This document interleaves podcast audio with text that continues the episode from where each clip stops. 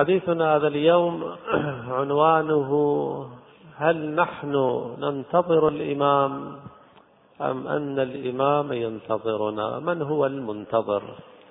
الإمام هو المنتظر أم نحن المنتظرون؟ الجواب على هذا التساؤل بإيجاز ثم ندخل بعض تفاصيل الموضوع أن الإمام ينتظرنا ونحن أيضا ننتظره ولكن لعل انتظارنا للإمام عليه السلام الإحساس بأن الإمام ينتظرنا. هذا الإحساس هو الإحساس الذي يحركنا في الحياة. لا شك أن الإمام عليه السلام لو أراد أن يخرج خروجا إعجازيا معتمدا على قوى ما وراء الطبيعة.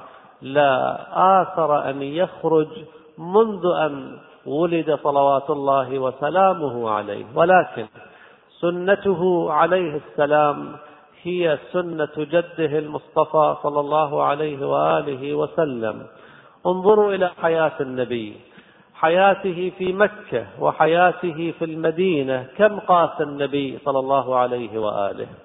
سنوات شعب أبي طالب هجرة المسلمين إلى الحبشة ينظر النبي صلى الله عليه وآله وسلم إلى بلال يعذب وهو يقول أحد أحد ينظر إلى آل عمار وهم يعذبون وهو يقول صبرا آل ياسر فإن موعدكم الجنة النبي صلى الله عليه وآله وسلم جبرائيل معه ميكائيل معه إسرافيل معه. لو أراد الله عز وجل لملأ الوادي عليهم نارا ولكن يقول في جواب الملك اللهم اهد قومي فإنهم لا يعلمون أو لا يعقلون. يقول في جواب الملك أو يقولها ابتداء من عند نفسه المهم هذه سيرة النبي صلى الله عليه وآله وسلم. الإمام الحسن عليه السلام تجرع الغصص يطعن في بدنه بخنجر وأصحابه يخونونه تلك الخيانة العجيبة الفاضحة والإمام يشكو أمره إلى الله عز وجل ويصبر. سيد الشهداء في يوم عاشوراء لو دعا الله عز وجل باسمه الأعظم لو أراد أن يهلك القوم من هو من هو يزيد ومن هو أصحاب يزيد؟ وما عسى جيش يزيد يبلغ أمام الحسين عليه السلام ولله جنود السماوات والأرض لو أراد أن يعتمد على قدراته وما خوله ربه. يقول عليه السلام أحدهم أحد المعصومين يقول بعبارة موجزة إخواني هذه العبارة تعكس من جهة عظمة المعصوم وتعكس من جهة عظمة الخالق. جمع بين الولاية والتوحيد يقول عليه السلام إن الله أقدرنا على ما نريد. هو الذي أقدرنا بمشيئته وقوته ولكن أقدرنا على ما نريد. ونحن نعلم أن إرادة المعصوم لا يريد إلا ما يريد الله عز وجل. إذا السنة الطبيعية هو أن تكون دعوة البشر في ضمن القواعد الطبيعية. يأتي الإعجاز شق القمر تسبيح الحصى في كف النبي أن تمشي الشجرة نحو النبي مسلمة أو مؤمنة. كل هذه الأمور لإثبات صحة الدعوة. أما باقي الأمور ينبغي أن تأخذ مجراها الطبيعي. فإذا إمامنا صلوات الله وسلامه عليه منتظر ومنتظر. الإمام عليه السلام منتظر نحن ننتظره ولكن انتظار خروجه صلوات الله وسلامه عليه يتوقف على عناصر مادية في حياة الأمة. لماذا قالوا صلوات الله عليهم؟ وأكثر الدعاء بتعجيل الفرج. فإن ذلك ماذا؟ فرجكم. فرجكم أنتم. إذا كانت الدعوة بتعجيل الفرج لا أثر لها في التعجيل فلماذا دعينا إلى ذلك؟ إخواني ثقوا أن كل دعوة للمؤمن في جوف الليل أو في وضح النهار في صلاة في نافلة في فريضة هذه الدعوة لها أثرها في تعجيل الفرج. الفرج مقدر محتوم في أصله ولكن يمحو الله ما يشاء ويثبت. ولهذا نحن نقرأ في الدعاء أو ندعو ونقول اللهم لا تحبس عنا النصر. ما معنى حبس النصر؟ هناك نصر مؤزر ولكنه موقف. نصر مؤزر ولكنه ممنوع لبعض ظروفنا في حياتنا. نحن الذين بسوء أعمالنا نؤخر في فرجه. صلوات الله وسلامه عليه. مضمون كلمته المسجلة في التأريخ ولولا ما يتصل بنا مما نكرهه منكم. أنتم المسلمون أنتم المؤمنون أخباركم أخبار السيئه تصل إلينا منكم أخبار محزنة ومتوالية ولولا ما يتصل بنا. مما نكرهه منكم لما تأخر عنكم اليمن بلقائنا ولتعجلت لكم السعادة بمشاهدتنا. نعم نحن الذين أخرنا فرجه صلوات الله وسلامه عليه. إذا ماذا نعمل في زمان الغيبة؟ إخواني الإمام عليه السلام لا يظهر وأنتم تعرفون الإمام الصادق كما في الرواية كان يستشهد بهذا البيت كثيرا لكل أناس دولة يرقبونها ودولتنا في آخر الدهر. يظهر الإمام عليه السلام لا يظهر إلا عندما تعيش البشرية الإحساس العميق بلزوم خروجه وفرجه. الإمام يأتي بعد تلهف بعد عطش بعد اعتراف الجميع بأنه ليست هناك قوة في الوجود تسد مسده صلوات الله وسلامه عليه. لابد أن يصل أنين الشرق والغرب.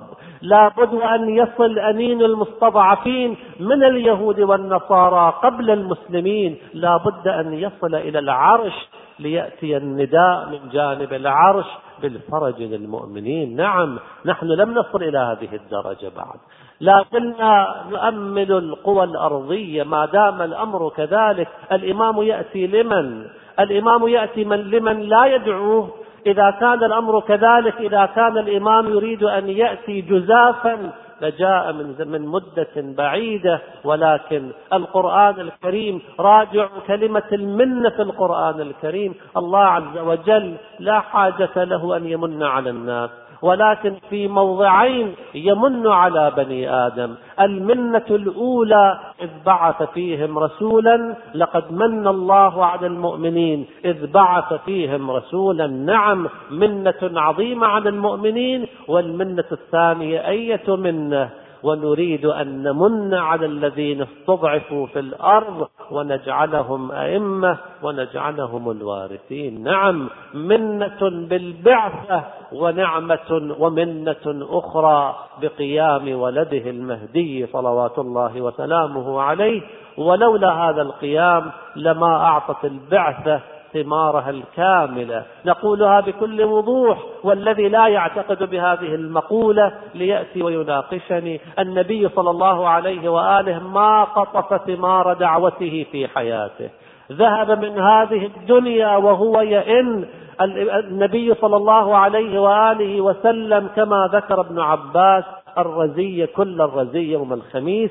النبي ذهب من هذه الدنيا وهو ساخط لم يقطف ثمار الدعوة كما ينبغي فلا بد من ذلك اليوم الذي يمن فيه على المؤمنين ويظهر صلوات الله وسلامه عليه. نعم ونريد أن نمن على الذين استضعفوا في الأرض ونجعلهم أئمة ونجعلهم الوارثين. ولقد كتبنا في الزبور من بعد الذكر أن الأرض يرثها عبادي الصالحون. متى الأرض شهدت العدل المطلق؟ منذ أن خلق آدم منذ أن خلق آدم والأرض تشهد الباطل. في الواقع الأرض لم تشهد العدالة إلا في مرحلتين مرحلة ما قبل خلقة قابيل قبل قابيل أمنا حواء وأبونا آدم وهابيل كانوا مؤمنين ولكن بمجرد أن قتل قابيل هابيل في الواقع انتكست الحركة البشرية. ومرة أخرى عندما أغرق الله عز وجل الأرض ومن عليها صارت كالنور نعم سفينة نوح هي السفينة التي كانت تحمل المؤمنين ولكن ما القيمة الكبرى لهذه الدولة الإسلامية المحمولة في سفينة نوح؟ مجموعة من الدواب والحيوانات وجماعة من المؤمنين. ليس هذا هو العدل المطلق الذي تنتظره البشرية إذا حتى في زمان النبي. ومن أهل المدينة منافقون مردوا على النفاق. كم آذوا رسول الله صلى الله عليه وآله وسلم هذه المقولة التي لا تصمد للبحث العلمي أن كل من شهد رسول الله فهو عادل. من أين من, من أين هذه المقولة؟ أي دليل عقلي يدل على أن من ولد في المدينة ورأى النبي يوما أو يومين أو سمع منه حديثا أو حديثين هؤلاء عدول بأيهم اقتديتم؟ اهتديتم بأي منطق؟ إنسان يعيش مع إنسان ساعات أو أيام يتغير كيانه. النبي كان يعمل الإعجاز في نفوس الذين حوله. مقولة لا تصمد لأدنى بحث علمي وشاع في أذهان الأمة ردحا من الزمن إلى يومنا هذا بأيهم اقتديتم اهتديتم. قلنا لا يصمد لأدنى درجات البحث العلمي. والقرآن يصرح تأريخ المسلمين مليء بهذه المواقف مواقف المواجهة مع النبي صلى الله عليه وآله وسلم. فيما كان يقول ويفعل.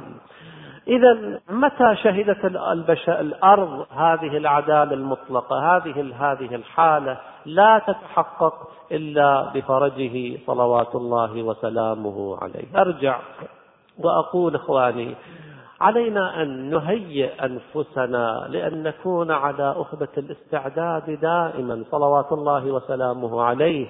صحيح يظهر ومعه القواد الآن بعدد من حارب مع النبي في بدر ثلاثمائة وثلاث عشر قائدا قواد جيشه. ولكن هذا الجيش يحتاج إلى عدة وعدد. لا بد وأن يكون هناك من يقوم معه. صلوات الله وسلامه عليه. من الذي يمكن أن يخرج مع إمامنا؟ صلوات الله عليه. هو ذلك الذي ينسجم مع خطه. الإمام صلوات الله عليه مظهر العبادة الإلهية مظهر التوحيد مظهر الطاعة مظهر التقوى الذي يريد أن يكون معه صلوات الله وسلامه عليه. لا بد وأن يكون بهذا المستوى من التجانس ولهذا تأخر الفرج أو قرب. البعض مغرم بجمع روايات الظهور. يؤول الآيات يرى نارا في بلاد ما نعم يقول ظهور نار كبيرة علامة الفرج. يضرب الروايات بعضها ببعض ليستنتج أن هذه السنة أو التي بعدها سنة الفرج. وما علينا من ذلك. هل نحن مكلفون بأن نستخرج زمان الغيث ظهور بالجفر والرمل وما شابه ذلك؟ نحن لسنا مطالبين بذلك. علينا أن نكون على أخبة الاستعداد علما عملا قلبا قالبا. إن ظهر في زماننا نور على نور وإن تأخر فرجه وذهبنا من هذه الدنيا. فنحن مكتوبون في سجل أنصاره وأعوانه. نعم ينبغي أن نفكر فيما ينبغي فعله. لا أن نفكر في الأحداث المستقبلية وفي عناصر عالم الظهور والاختلافات الموجودة في هذا المجال أبدا. هذه نقطة ينبغي أن نسجلها في حديثنا هذا اليوم. أيضا من النقاط التي يمكن أن تثار في هذه الدائرة مسألة اللقاء به صلوات الله وسلامه عليه. المسألة بين إفراط وبين تفريط بين من ينفي اللقاء به اللقاء العابر اللقاء الذي لا يعلم أنه الإمام صلوات الله وسلامه عليه نفيا شديدا. ولماذا هذا النفي؟ اللقاء الإمام بمحبيه في زمان الغيبة أن ينصر من يتوسل به ومن يجعله واسطة.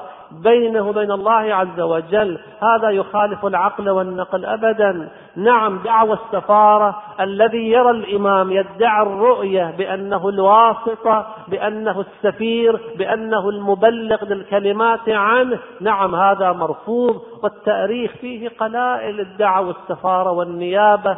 فضحوا في زمانهم والبعض منهم.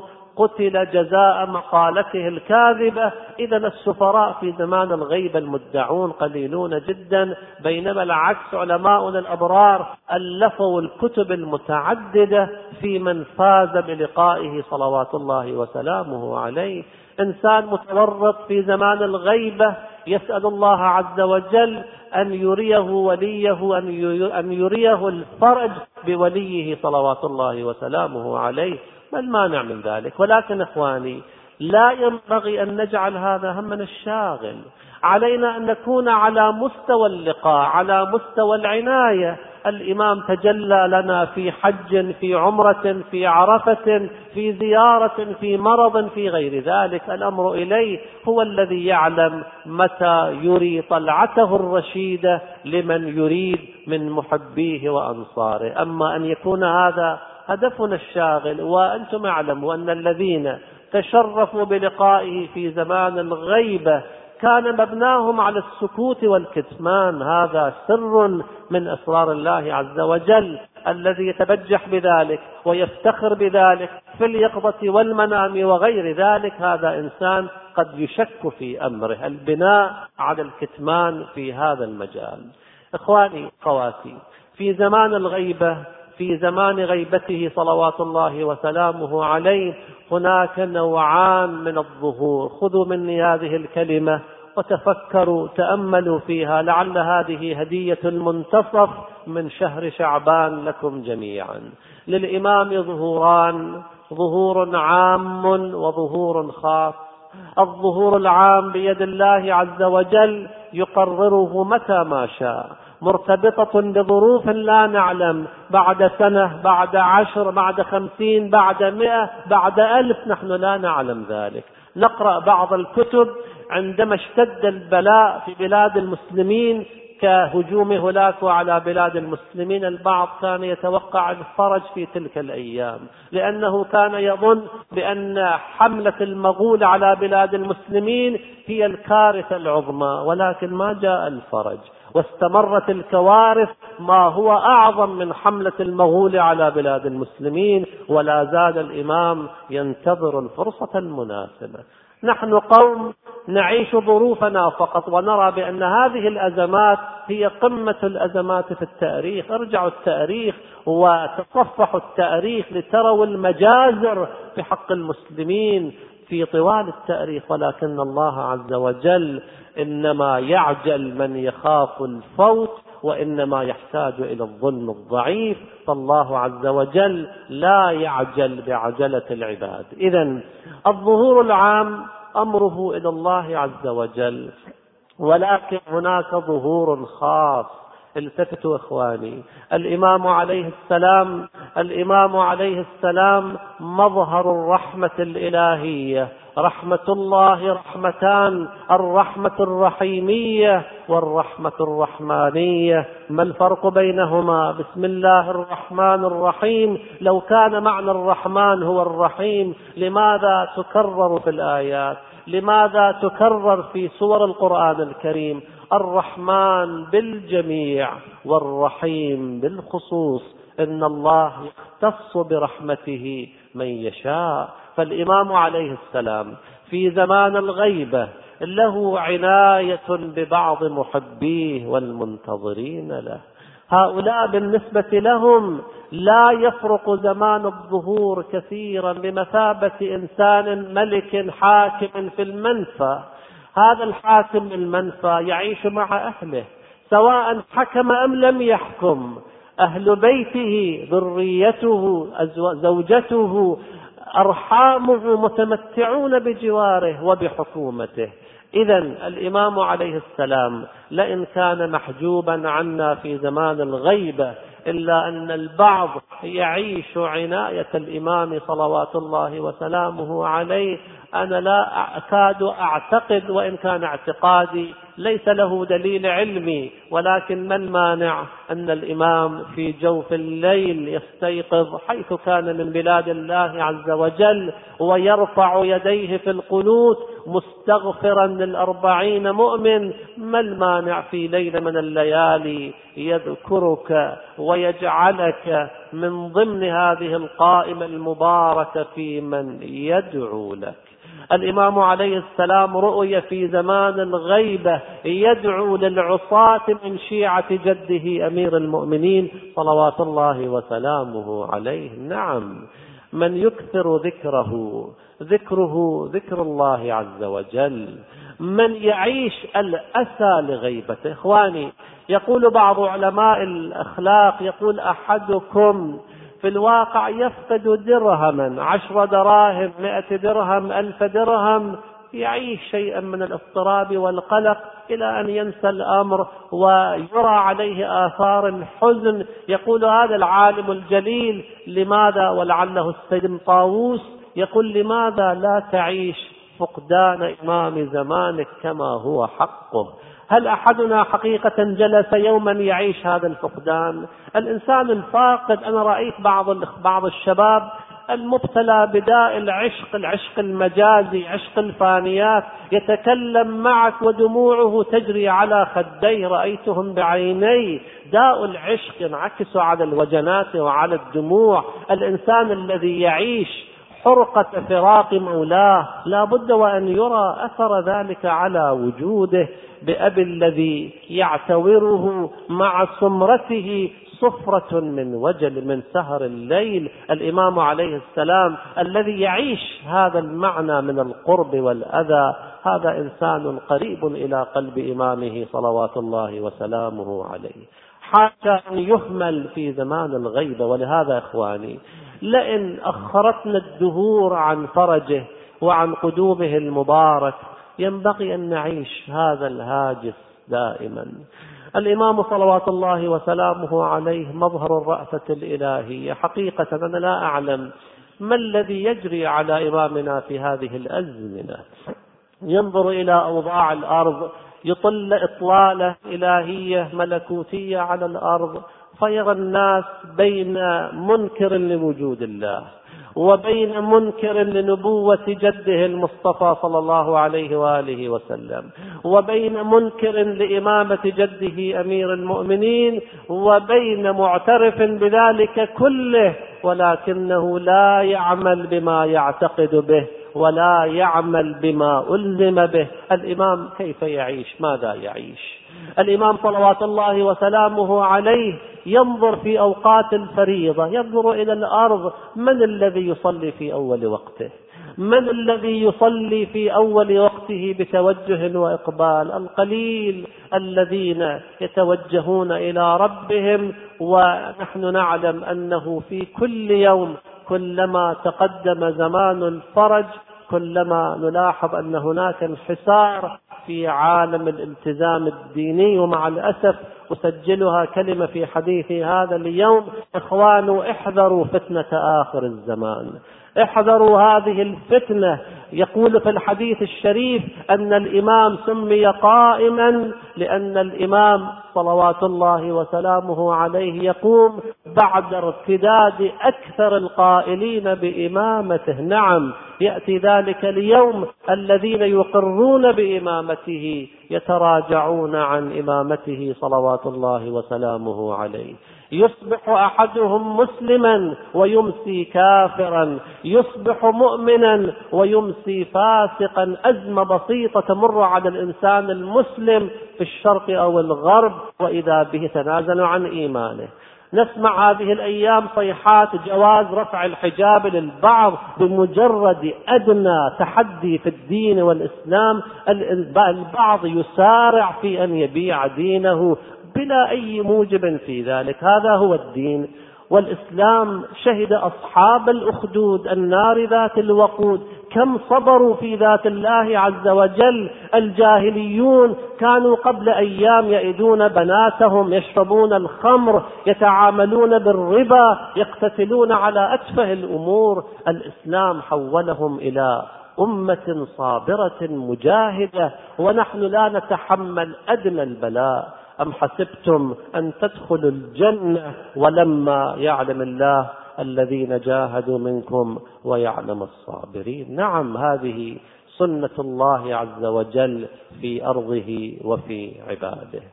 أرجع أخيرا وأقول إخواني أولا الوظيفة الأولى في ختام حديثي ولملم أطراف الحديث التقوى التقوى ذلك الذي يقرب الإنسان من قلب إمام زمانه ليس هناك أمر آخر غير التقوى.